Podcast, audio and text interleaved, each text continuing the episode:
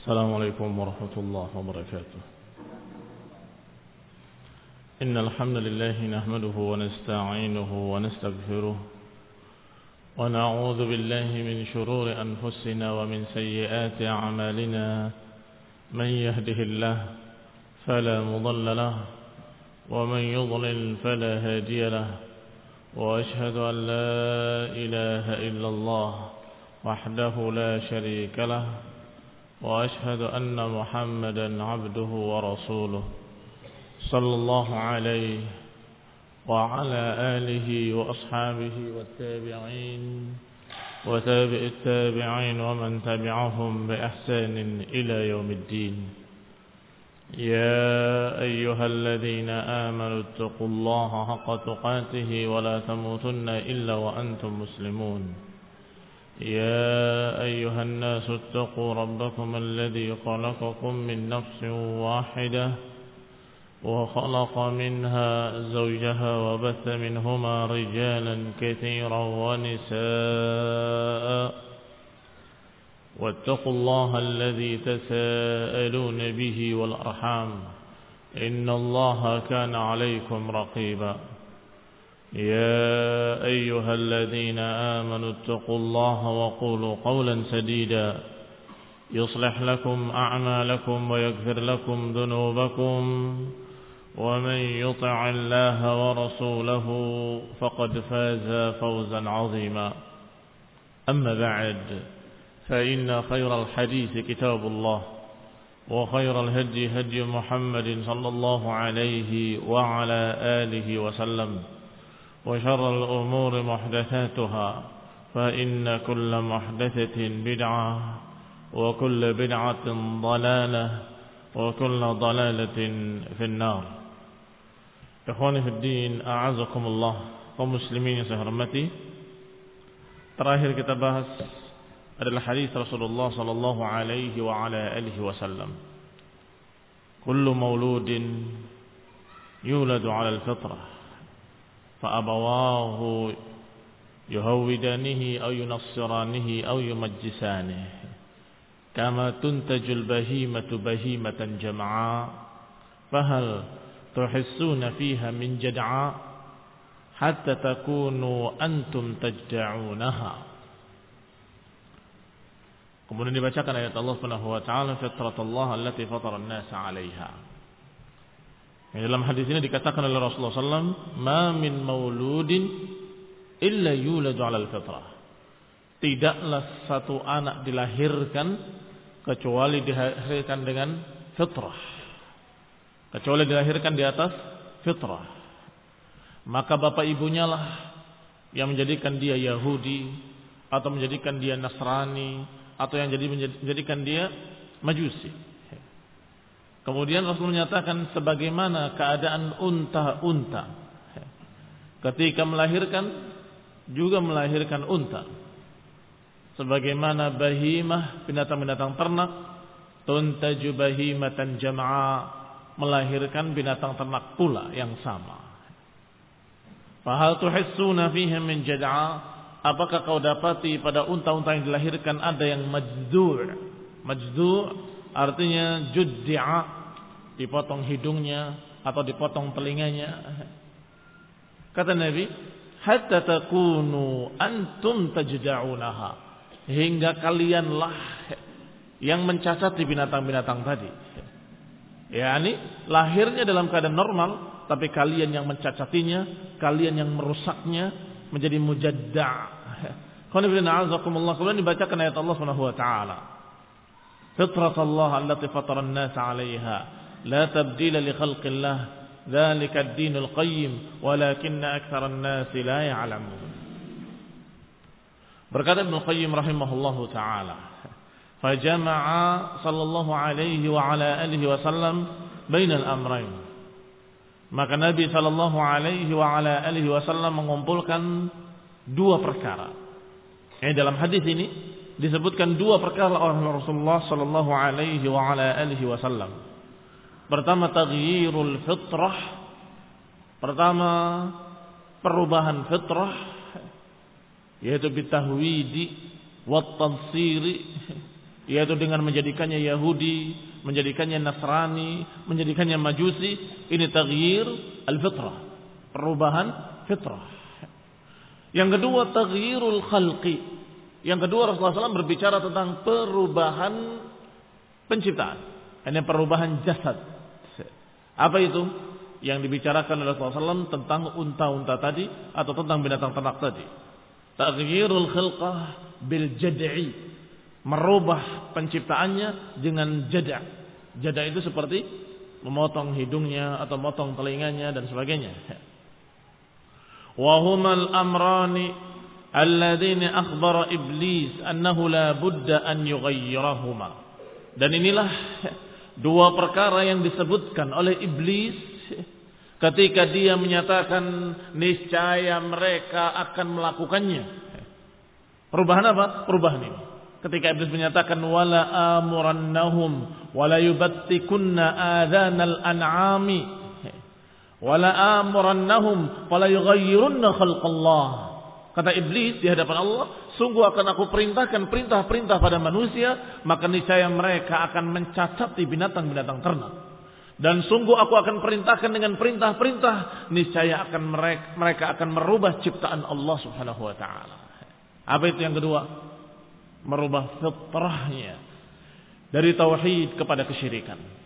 Merubah fitrahnya dari fitratul Islam, dari fitrah keislaman kepada majusiyah, nasraniyah dan juga yahudiyah.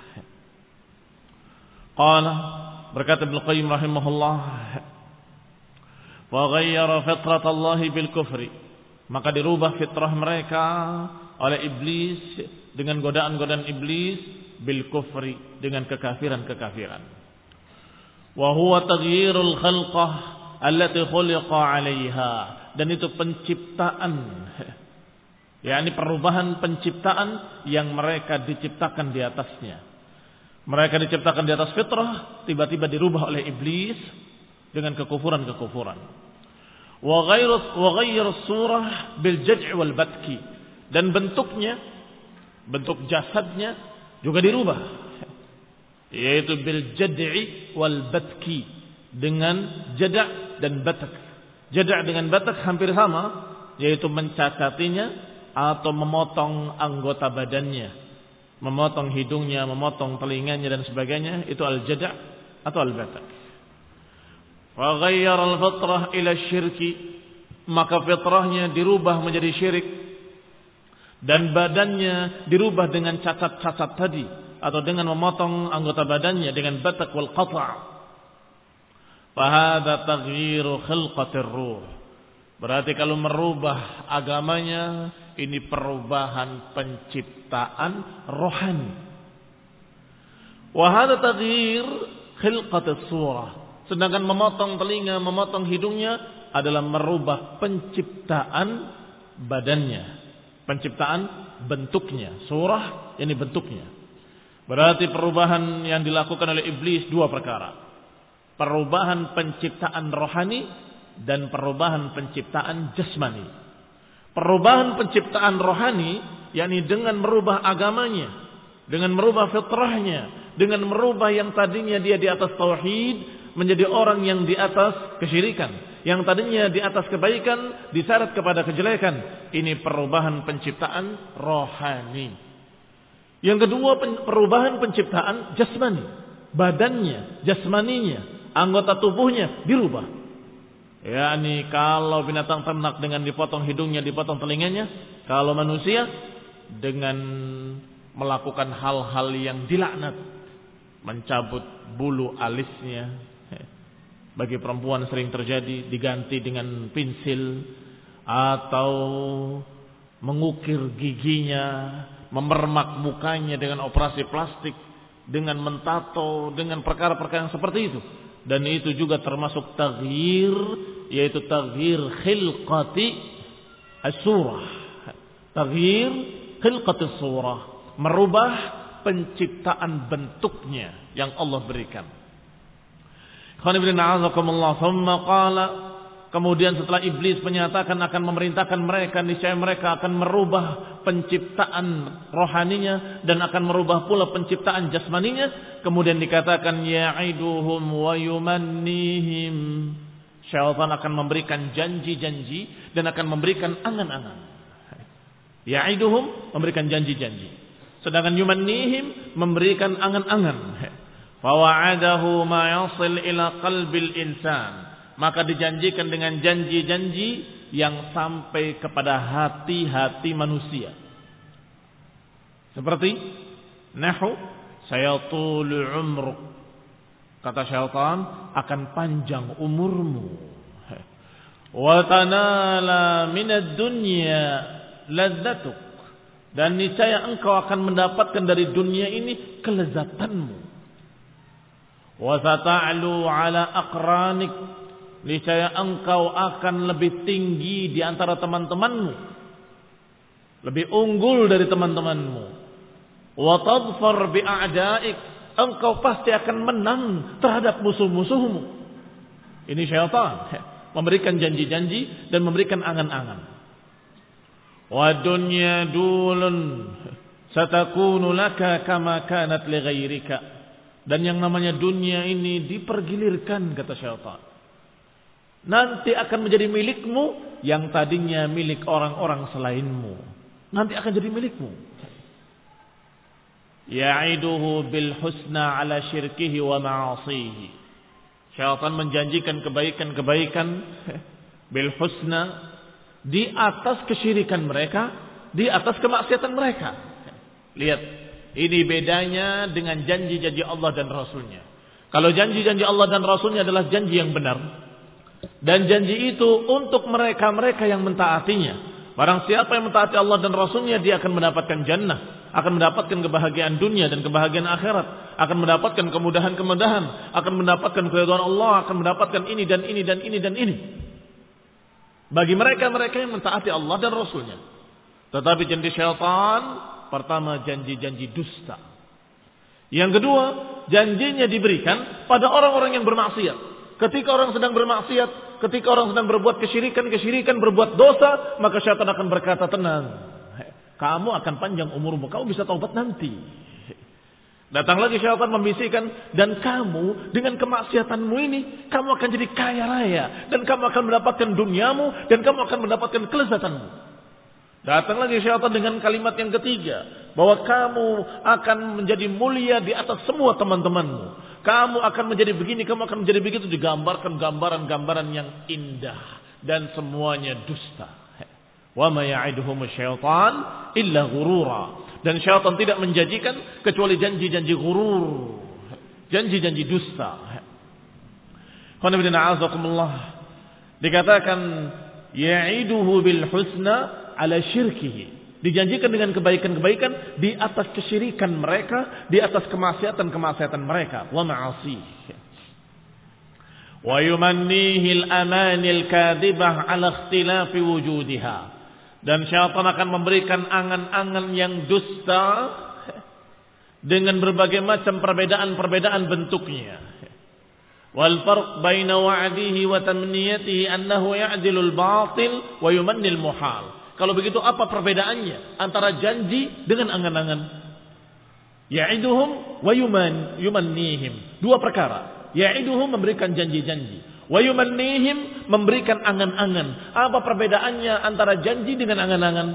Kata Ibnu Qayyim rahimahullah, ya'iduhu al-batil, menjanjikan janji-janji yang batil, janji-janji yang dusta. Sedangkan angan-angan memberikan angan-angan yang khayal. Lihat, janji yang jelek disebut janji-janji palsu. Tetapi kalau angan-angan yang jelek adalah angan-angan yang mustahil terjadi. Nggak mungkin terjadi. Orang dalam keadaan bermaksiat berharap surga. Atau orang dalam keadaan musyrik, kafir, sesat mengharapkan surga. Ini angan-angan atau janji? Hah? Angan-angan. Itu adalah tilka amaniyuhum. Kata Allah, itu angan-angan mereka. Sebagaimana ketika mereka mengucapkan Sebagaimana Allah kisahkan dalam Al-Quran. Yawaddu ahaduhum law yu'ammaru alfasanatin. Mereka berharap ingin hidup seribu tahun lagi. Janji atau khayal? Ketika syaitan membisikkan demikian, kamu akan panjang seribu tahun lagi kamu akan dapat. Khayal. Ini amniah, ini angan-angan. Orang berjalan di jalan neraka, tapi mengharapkan surga. Ini khayal. Berjalannya di jalan ahli nar, di jalan kekufuran, jalan kesesatan, jalan kemaksiatan, tapi berharap surga.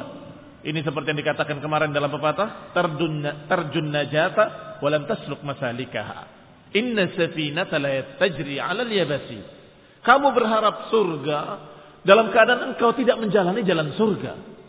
Maka sungguh perahu itu enggak jalan di daratan. Perahu enggak akan jalan di daratan, yakni kamu tidak akan berhasil apa yang kamu angan-angankan karena itu namanya khayal. Mengharapkan perahu bisa berlayar di daratan itu khayal. Demikian pula engkau berharap jannah surga, tapi engkau menjalani jalan neraka. Ada khayal. Ini yang dikatakan umniyah. Wa nafsul mahinah allati la qadra laha taghtadi biwa'dihi wa tamniyatihi. Kama qala al-qail. Dan jiwa yang rendah, jiwa yang tidak memiliki kedudukan, yang la qadar, dia merasa lezat dengan janji-janji kosong. Dia merasa lezat dengan khayal. Ketahuilah, sesungguhnya mereka-mereka yang merasa lezat, merasa nikmat hanya dengan janji-janji palsu atau dengan angan-angan kosong, maka ini adalah jiwa orang yang lemah, rendah, hina. Coba lihat, siapa yang dikisahkan oleh manusia-manusia, oleh masyarakat di seluruh dunia, yang tukang khayal siapa? selalu orang-orang yang dijadikan bahan tertawaan. Kalau di tempat kalian disebut kabayan. Ya. Nanti kalau saya punya dua ayam, kemudian bertelur, ini dua-dua suami istri ngelamun. Ya. Nanti kalau ditetaskan bertambah banyak, nanti kalau begini, kalau banyak, banyak, banyak, banyak, sampai akhirnya berantem. Ya. Jangan beli rumah dulu, beli mobil dulu, salah mobil dulu, dari rumah sampai akhirnya berantem. Ya. Mana? Ya yang dihasilkan satu perkara pun nggak dikerjakan oleh mereka. Hanya duduk kelamun, ngelamun. Apa itu bahan tertawaan atau bahan pujian? Bahan tertawaan. Menjadi orang yang sebagai contoh orang yang rendah, jelek, ditertawakan. Di dalam bahasa Arab ada yang disebut juha. Sama saja. Juha juga tukang khayal, tukang ngelamun. Dan dalam bahasa-bahasa lain, dalam bahasa Eropa ada jackes. Sama saja seperti itu. Memang orang yang senang khayal, yang terhibur dengan khayalan-khayalan orang-orang rendah. Senang dibuai dengan khayalan-khayalan yang jauh, yang mustahil. Mustahil terjadi. Bahkan ikut menangis, ikut tertawa, ikut bingung, ikut stres. Kenapa kamu? Ini sebentar lagi dia akan begini, akan kalah. Siapa? Itu yang dalam film. Film. Bikin kamu nangis, bikin kamu bingung, bikin kamu susah, bikin kamu sengsara. Khayal. Nggak terjadi wujudnya. Ini orang yang rendah. Dan biasanya anak-anak kecil. Karena dangkalnya akal mereka. Karena rendahnya pikiran mereka. Senang dibuai dengan seperti itu. Kalau sudah nangis, mesti dikatakan oleh ibunya nanti kita akan begini, nanti kita akan begini, nanti kapan? Entah kapan. Janji-janji, sekedar janji, kapan diwujudkannya? Nanti, entah kapan. Qanifidina azakumullah seneng. Sudah tertawa, sudah senyum. Padahal belum dikasih. Baru diberi janji-janji. Kata Ibnu Qayyim rahimahullah, jiwa yang demikian adalah jiwa yang mau diberi janji-janji. Sebagaimana dalam pepatah atau dalam syair Munni in takun haqqan takun ahsanal muna wa illa faqad ishna biha zamanan ragada. Munni, berilah angan-angan kepadaku.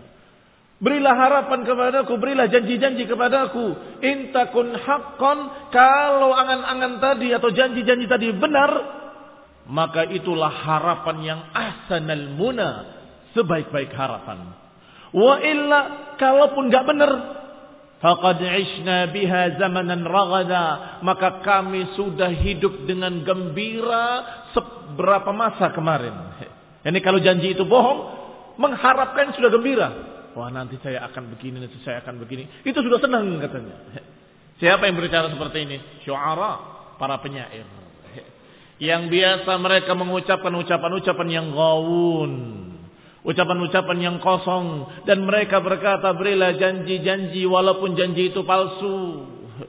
Kalau janji itu hak maka itulah angan-angan yang paling diharapkan. Kalaupun palsu kami sudah senang dengan membayangkan harapan itu. Sudah senang dengan harapan-harapan walaupun palsu. Demikianlah orang-orang yang dalam keadaan mahina, rendah. Katakan cinta walaupun dusta katanya. Walaupun kamu bohong, saya sudah senang. La ilaha illallah. Kalau mereka orang-orang yang rendah, wajar. Mereka berkata seperti itu. Tetapi orang-orang yang akil, orang-orang yang mulia, orang-orang yang cerdas, orang-orang yang mengerti tentang akhirat, dia tidak mau janji-janji kosong dan tidak mau khayalan-khayalan yang tidak mungkin. Dia akan mencari sesuatu yang pasti yaitu qala Allah wa qala Rasul. Janji-janji yang pasti adalah ucapan Allah Subhanahu wa taala dan ucapan Rasulnya sallallahu alaihi wa ala alihi wasallam.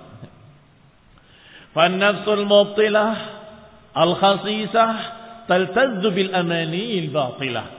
Maka jiwa-jiwa yang batil, yang khas, yang rendah merasa lezat. Taltazzu bil amani. Merasa lezat dengan angan-angan yang batil. Wal wu'udil kadibah. Merasa lezat dengan janji-janji yang dusta. Wa tafrah biha. Gembira dengan janji-janji kosong. Kama yafrah biha nisa wasibyan seperti para wanita dan anak-anak kecil. Para wanita paling senang dengan rayuan walaupun rayuan gombal. Atau rayuan gombal? Palsu bohong. Matamu bagaikan bulan purnama, alismu bagaikan iringan semut, bagaikan eh, apa lagi? Ya, delima yang merkah. Kalau kamu gambar menjadi syaitan yang mengerikan. Itu senang senyum-senyum. Rendah. Dikatakan pula wasibian dan anak-anak. Yataharrakuna laha anak-anak itu dalam keadaan mereka ya taharrakun, mereka senang, hatinya bergejolak ketika dikatakan nanti kita akan pergi tamasya. Senang sekali, walaupun entah tahun depan atau tahun berikutnya, wallahu alam. Ya taharrakun laha. Fal aqwal batila masdaruha wa'du syaitan.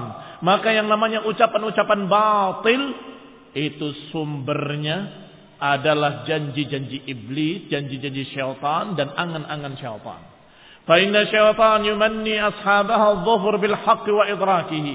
Karena iblis, syaitan memberikan khayalan, memberikan angan-angan kepada para pengikutnya bahwa mereka akan dhafar, akan menang, mendapatkan kebenaran, ilaihi min ghairi tariqihi dan akan mendapatkan kebenaran tadi tanpa menjalani jalan kebenaran akan mendapatkan kebahagiaan tanpa menjalani jalan kebahagiaan, akan mendapatkan surga dengan tidak mengikuti jalan surga.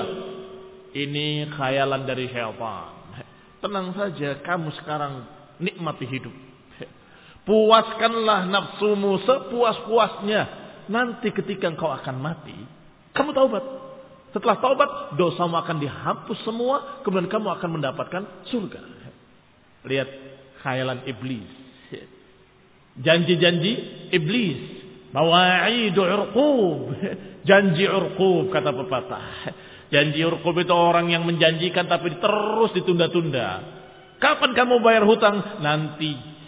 Kalau kurma sudah berbuah. Ketika kurma berbuah, nanti baru berbuah. Saya jual dulu, jadi uang, baru saya bayar. Sampai ketika dia sudah dijual, tanya lagi, mana? Nanti saya akan berikan dulu. Bagaimana saya akan bayarkan kepadamu kalau saya tidak menanam yang berikutnya? Saya nanam yang berikutnya. Menanam yang berikutnya. Terus kapan jadinya? Nanti kalau korma berbuah. Karena terus berputar lingkaran syaitan. Wahada mawa'id urqub dikatakan. Dalam pepatah Arab dengan mawa'id Ruqub. kaum muslimin yang saya hormati. Dikatakan syaitan selalu menggambarkan seperti itu. Nanti ketika dia akan mati, syaitan akan membuai mereka atau akan mendendang mereka supaya mereka nggak ingat kalau saat itu saatnya mati. Sudah sakit parah, sudah nafasnya satu, berhenti tiga kali, satu lagi. Syaitan masih mengatakan, kamu akan hidup panjang, tenang aja. Ini sakit akan sehat sebentar lagi. Wah, saya akan sehat, senang. Seperti anak kecil janjikan akan tamasya. Wah, sebentar lagi saya sehat. Tiba-tiba mati. Tiba-tiba mati dalam keadaan belum bertaubat, belum beramal, belum apa pun. Ini syaitan. Godaan-godaan iblis laknatullah alaih. Qala fa kullu mubtilin falahu nasibun min qawlihi. Maka semua kata-kata yang batil itu merupakan bagian dari apa yang dikatakan oleh syaitan. Ya'iduhum wa yumannihim. Bahwa syaitan akan menjanjikan pada mereka dan akan memberikan angan-angan pada mereka. Yang kata Allah, "Wa ma ya'idumus syaitanu illa ghurura." Dan syaitan gak akan menjanjikan kecuali janji-janji gurur, janji-janji palsu. Wa min di antara janji-janji palsu syaitan Allah ceritakan dalam Al-Qur'an. الشيطان يعدكم الفقر ويأمركم بالفحشاء Syaitan akan menggambarkan, membayangkan kepada kalian kemiskinan. Wa ya'murukum bil fahsya dan memerintahkan kepada kalian dengan fahisyah, dengan dosa-dosa. Wallahu ya'idukum maghfirah sedangkan Allah Subhanahu wa taala menjanjikan ampunan minhu darinya wa fadlan dan Allah menjanjikan fadilah. Lihat. Janji Allah, Allah akan menjanjikan ampunan dan Allah akan menjanjikan balasan-balasan yang besar. Sedangkan iblis, syaitan dan anak buahnya seluruhnya, mereka ya'iduhum ya'idukumul faqra akan membayangkan atau menjanjikan janji-janji yang mengerikan. Ini kalau kalian mengerjakan kebaikan. Kalau mengerjakan kejelekan akan digambarkan dengan gambaran-gambaran yang baik. Lihat terbaliknya syaitan. Kalau kamu beramal dengan amalan maksiat, syaitan akan menyajikan dengan janji-janji baik. Kamu akan menang, kamu akan selamat, kamu nggak akan tertangkap, kamu nggak akan ketahuan, kamu nggak akan, kamu nggak akan begitu. Tetapi ketika kamu berbuat baik, beramal saleh, ta'lim, belajar, ngaji, Sedekah maka syaitan menggambarkan kemiskinan. Ya'idukumul faqra. Kamu akan pahit, kamu akan bangkrut. Kalau kamu sedekah sebesar itu, dari mana kamu akan dapat gantinya? Kamu akan jatuh miskin dan kamu akan sengsara. Anak-anakmu bagaimana? Istrimu bagaimana nanti? Dan seterusnya dan seterusnya dan seterusnya. Ya'idukum al-faqra. Menggambarkan kemiskinan, menyajikan kemiskinan. Ikhwan ibn a'azakumullah. Dikatakan oleh Ibn Qayyim. Qila ya'idukumul faqra. Dikatakan ya'idukumul faqra maknanya yukhawwifukum bih. Menakut-nakuti kalian dengan kemiskinan. Seakan-akan kemiskinan itu musuh utama yang paling ditakuti. Kalau begini nanti akan miskin. Yaqul, syaitan akan berkata kata Ibn Qayyim, In anfaqtum amwalakum iftaqartum. Kalau kalian infakkan harta kalian, kalian akan jatuh miskin. Wa ya'murukum bil fahsya. Dan memerintahkan pada kalian dengan fahisyah. Qalu, kata para mufassirin, hiyal al-bukhl. Yang dimaksud adalah kemiskinan. Yang digambarkan kamu akan miskin, kamu akan miskin. Sedangkan ketika diperintahkan, diperintahkan dengan bukhul, kebakhilan. Pelit. Ya murukum bil bukhli. Memerintahkan dengan kepelitan. Jadi kamu jangan keluarkan hartamu. Awas. Sedikit pun jangan keluarkan. Kamu akan jatuh miskin nantinya. Kalau kamu gini, kalau kamu begitu, kamu akan sengsara. Jangan keluarkan. Walaupun 100 rupiah. Diperintahkan untuk bakhil. Wa man yabkhal fa innama yabkhalu li nafsihi. Padahal siapa yang bakhil dalam jalan-jalan kebaikan, sesungguhnya dia bakhil terhadap dirinya sendiri. Dia tidak ingin memberikan pada dirinya pahala, dia tidak ingin memberikan pada dirinya balasan dari Allah, dia tidak ingin memberikan pada dirinya kebahagiaan yaumul qiyamah, maka berarti dia yabkhal ala nafsihi, berarti dia bakhil terhadap dirinya sendiri. Tetapi syaitan menggambarkan sebaliknya. Kalau kamu bakhil, kamu menyengsarakan dirimu. Oh, kalau kamu bakhil, kamu menguntungkan dirimu katanya. Kamu akan jadi kaya. Lihat orang-orang kaya. Karena mereka bakhil. Astagfirullahaladzim. Wa yadhkuru an muqatil wal kalbi kullu fahsya'in fil qur'ani fahiya zina. Illa fi hadzal mawdi' fa innaha al-bukhl. Kata al-kalbi dan juga kata muqatil dan lain-lain bahwa kalimat fahsya dalam Al-Quran semuanya bermakna zina. Seringkali bahkan hampir seluruhnya bermakna zina. Kecuali pada ayat ini. Maknanya kebakhilan. Syaitan menakut-nakuti dengan kemiskinan dan memerintahkan dengan fahsya, yakni memerintahkan dengan kebakhilan. Tetapi kata Ibnu Qayyim, benar bahwa itu adalah kebakhilan, tetapi Allah tidak menyebutkan dengan kalimat bukhl. Tapi Allah menyebutkan dengan kalimat fahsya. Maknanya adalah secara umum semua kefahisan. Yang semua dosa-dosa khususnya kebakhilan. Kata Ibn Qayyim rahimahullah. As-sawabu yang benar adalah. Annal fahsya ala babiha. Bahwa fahsya itu sesuai dengan babnya. Dengan fa dan ha dan shin Maknanya adalah hiya kullu fahishatin, semua kejelekan-kejelekan. Fahiya sifatun limausufin mahdzufin, yaitu sifat terhadap yang disifatinya tetapi tidak tersebut yang disifatinya. Tidak tersebut dalam kalimat dalam Quran tadi, yakni mahdzuf, tapi terpahami. Fahudiba mausufuha iradatal umum atau iradatan lil umum. Tidak disebut yang disifatinya karena yang dimaksud adalah amun, yang dimaksud secara umum. Semua fahisyah. Ya'ni ya'murukum bil fi'latil fahisyah.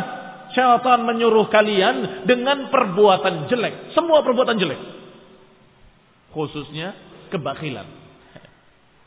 Demikian pula khallatul fahsya yakni memerintahkan kepada kalian dengan berbagai macam akhlak-akhlak yang jelek. Wa min jumlatiha al-bukhl dan di antara kejelekan-kejelekan tadi adalah kebakhilan. Demikian kata Ibnu Qayyim rahimahullah. Fadzakara subhanahu wa ta'ala wa'da syaitan wa amrihi wa amrahu wa ya'muruhum bisyarri wa yukhawwifuhum min fi'lil khair. Berarti Allah Subhanahu wa taala menyebutkan janji-janji syaitan dan perintah-perintahnya yaitu memerintahkan manusia dengan kejelekan-kejelekan dan menakut-nakuti dengan perbuatan-perbuatan baik. Digambarkan kalau perbuatan baik akan membuat sengsara, akan membuat fakir, akan membuat miskin, akan membuat kamu dalam keadaan pailit, bangkrut dan seterusnya dan seterusnya. Kalau kamu dikit-dikit ngaji, dikit-dikit taklim, dikit-dikit taklim, nanti usahamu akan gagal, usahamu akan bangkrut. Kalau kamu menyibukkan dirimu dengan sholat, di siang hari sholat sunnahnya banyak, malam hari masih terawih lagi. Terus kapan kita mau dagang? Kamu akan jadi miskin nanti. Digambarkan seperti itu oleh syaitan. Menggambarkan dengan takhwif min fi'lil khair. Menakut-nakuti dengan perbuatan-perbuatan baik seakan-akan perbuatan baik itu akan membawa kesengsaraan. Wa idza amara amarahu bil fahsya'i wa zayyanahu irtakabaha. Karena yang namanya manusia kalau dia digoda oleh syaitan dan ditakut-takuti, biasanya enggak jadi berbuat. Kalau digambarkan indah, biasanya jadi berbuat. Wahadanil amrani huma juma' ma yatlubuhu syaitan. Maka dua perkara itu adalah inti dari bentuk godaan syaitan. Jadi inti dari godaan syaitan dua perkara. Kalau yang baik-baik digambarkan mengerikan, ditakut-takuti. Kalau yang jelek-jelek diindahkan dan diberi semangat manusia untuk mengerjakannya. Ini inti dari godaan syaitan. Juma'u ma yatlubuhu syaitan minal insani. Fa innahu idha khawwafahu min fi'lil khairi tarakahu. Karena yang namanya manusia kalau ditakut-takuti dari perbuatan baik, maka dia tarokahu akan meninggalkan perbuatan baik. Wa idza amarahu bil zayyanaha dan kalau disuruh berbuat jelek dan diindahkan perbuatan jelek itu, dihiasinya, diindahkannya, irtakabaha, maka niscaya manusia akan mengerjakannya. Wa sama subhanahu wa ta'ala takhwifahu wa'dal intidhar. Dan Allah menjuluki janji-janji syaitan itu dijuluki oleh Allah, tipu dayanya, takhwifnya dan sebagainya Allah juluki dengan wa'dul intizar. Janji-janji yang intizar, janji menunggu, janji tunda. Sudah janjinya ditunda, dusta lagi. Adapun janji Allah memang ditunda, tetapi janji yang pasti yang sudah terbukti sekian kali di dunia. Apa wadul intidhar? Nanti di akhirnya Allah akan katakan kepada manusia, "Fantadhiru inni ma'akum minal muntadhirin." Silakan kalian nunggu. Kalian nunggu dan kami pun bersama kalian menunggu. Nunggu apa? Nunggu janji. Wahai kafir, wahai musyrikin, wahai orang-orang sesat, wahai orang-orang jelek, kalian menunggu janji-janji syaitan. Sedangkan kami menunggu janji-janji Allah Subhanahu wa taala. Fantadiru inni ma'akum minal muntadhirin. Maka silakan tunggu, kalian menunggu, kami pun menunggu. Niat nanti lihat bagaimana besok. Apakah kalian mendapatkan apa yang dijanjikan oleh iblis atau kita yang mendapatkan apa yang Allah janjikan kepada kita? Ketika orang musyrikin terbunuh, bergelimpangan mereka di perang Uhud, dan ketika mereka sudah dimasukkan ke dalam satu gelombang, Rasulullah SAW berkata kepada mereka, Hal tajidu ma haqqa? Apakah dapat apa yang dijanjikan pada kalian?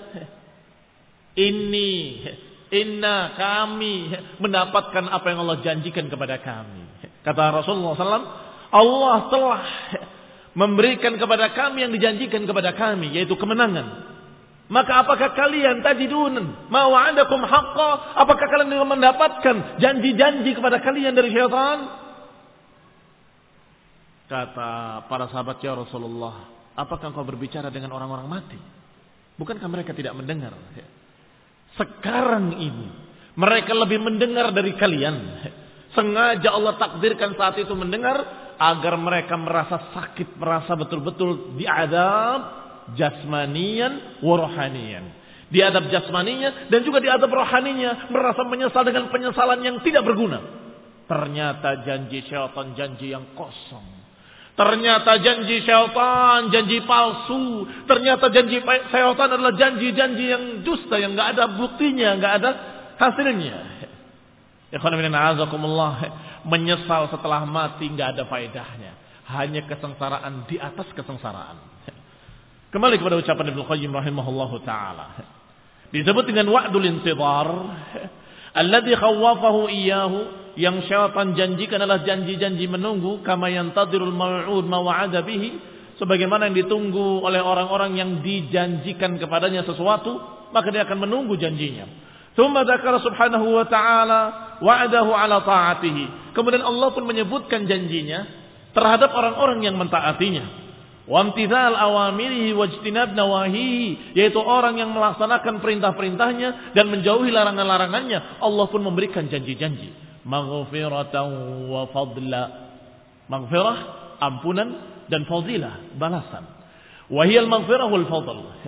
Fal maghfirah, ampunan wiqayatus syarri terlindungi dari kejelekan nanti yaumul qiyamah. Allah beri janji bahwa kalian yang mentaati Allah, yang beriman kepada Allah, yang menjauhi larangannya dan mengerjakan perintah-perintahnya akan dilindungi dari berbagai macam azab. Wal fadl, sedangkan fadl i'ta'u al khair, pemberian kebaikan. Diberikan jannah, diberikan pahala, diberikan balasan disebutkan dalam hadis yang masyhur, tapi hadis ini juga lemah, dhaif.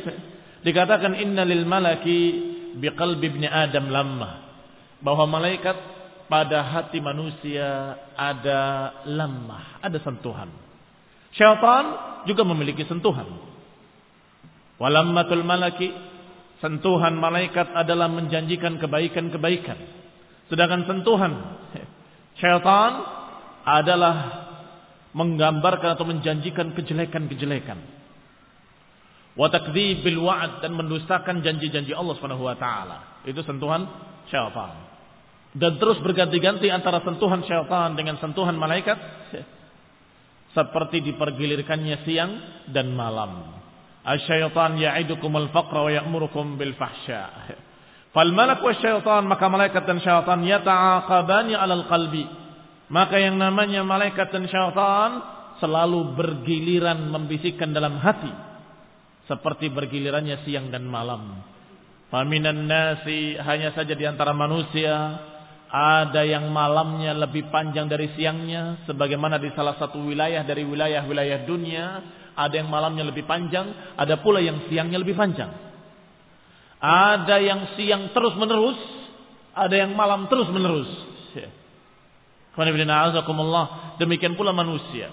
Ada yang terus membuka pintunya untuk bisikan-bisikan syaitan lebih panjang daripada dia menerima bisikan-bisikan dari para malaikat. Karena hadis ini dhaif, kita tidak menjadikannya sebagai hujjah. Cukup dengan ucapan Allah dalam Al-Quran, Ya'idukum wa yumannihim. Bahwa syaitan memang memberikan janji-janji.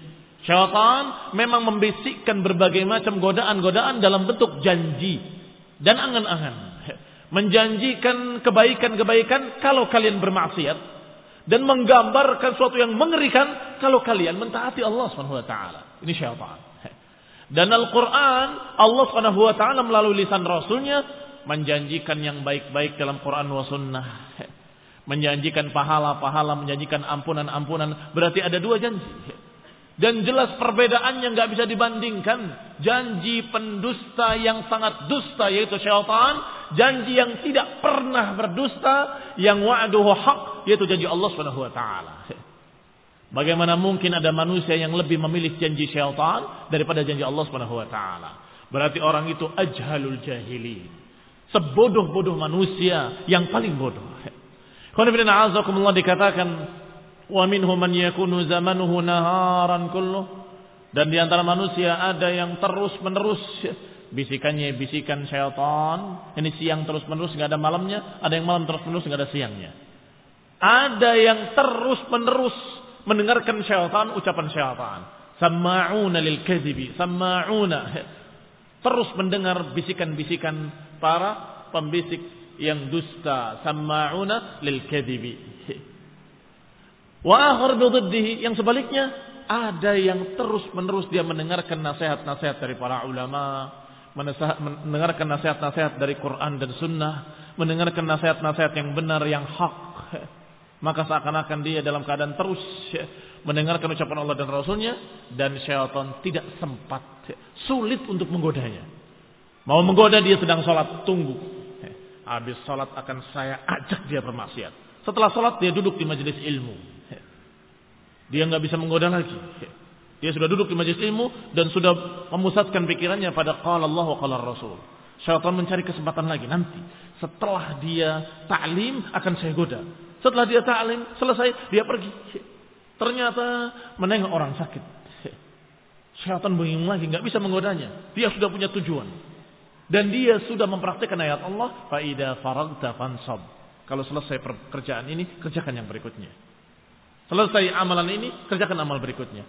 Yang mudah digoda oleh syaitan adalah mereka-mereka yang nganggur, ngelamun, kosong. Di tempat tidur gelalang geleleng dalam keadaan tidak ngantuk. Mau apa lagi ya? Kenapa? Dia bingung mau apa lagi padahal amalan-amalan khair masih banyak.